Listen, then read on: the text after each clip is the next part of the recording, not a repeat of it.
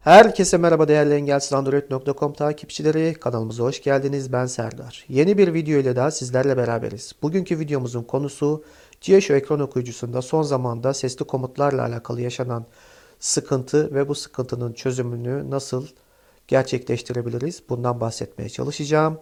Ama öncesinde kanalımıza halen abone değilseniz abone olmayı, paylaşmış olduğumuz videoları beğenip paylaşarak kanalımıza destek olmayı unutmayınız diyerekten videomuza geçelim. www.engelsizandroid.com Android erişebilirliğinin tek adresi. Evet sevgili dostlar, son zamanda GSHO'nun sesli komut özelliğini kullanırken sıkıntılar yaşamaktayız. Şöyle ki, örneğin ses kısma tuşuna uzunca bastığımızda ara Ahmet, ara Ayşe dediğimizde sesli arama gerçekleştiremiyoruz. Bununla beraber yine ses kısma tuşuna uzunca basıp herhangi bir uygulama açmak istediğimizde uygulamanın ismini söylerken normalde bize bu uygulamayı açması gerekirken Ana sayfa düğme. bizi GSHO'nun tarayıcısına yönlendiriyor sistem.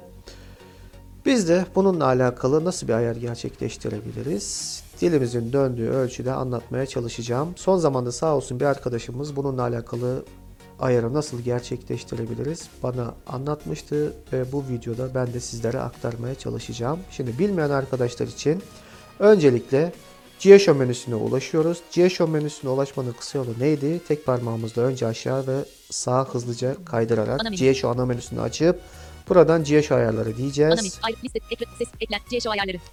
GSHO ayarlarını bulup çift tıklıyorum. CSO artı. Devamında CSO 20. F genel. İçerik seslen. Bildirim seslendir. Gelişmiş. gelişmiş seçeneğini bulup çift tıklıyorum. Gelişmiş. Ardından Yukarı. Gelişmiş. Sesli yardımcı ve çeviri. sesli yardımcı ve çeviri seçeneğini bulup Sesli tıkladım.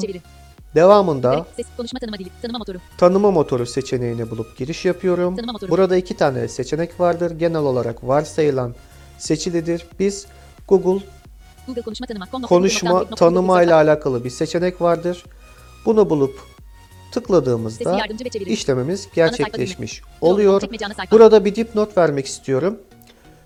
Ama bu ayarı gerçekleştirirken, ama bu ayarı gerçekleştirdikten sonra e, ilk kez sesli arama yapacaksanız, e, GSHO'nun izinler bölümünde daha önce e, telefon etme ve çağrıları yönetme iznini vermediyseniz bu seçenek çıkabilir.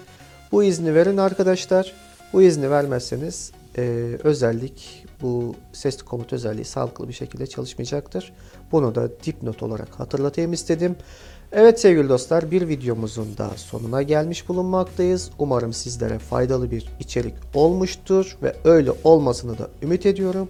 Bir başka videomuzda görüşene dek kendinize iyi bakın, hoşçakalın, dostça kalın.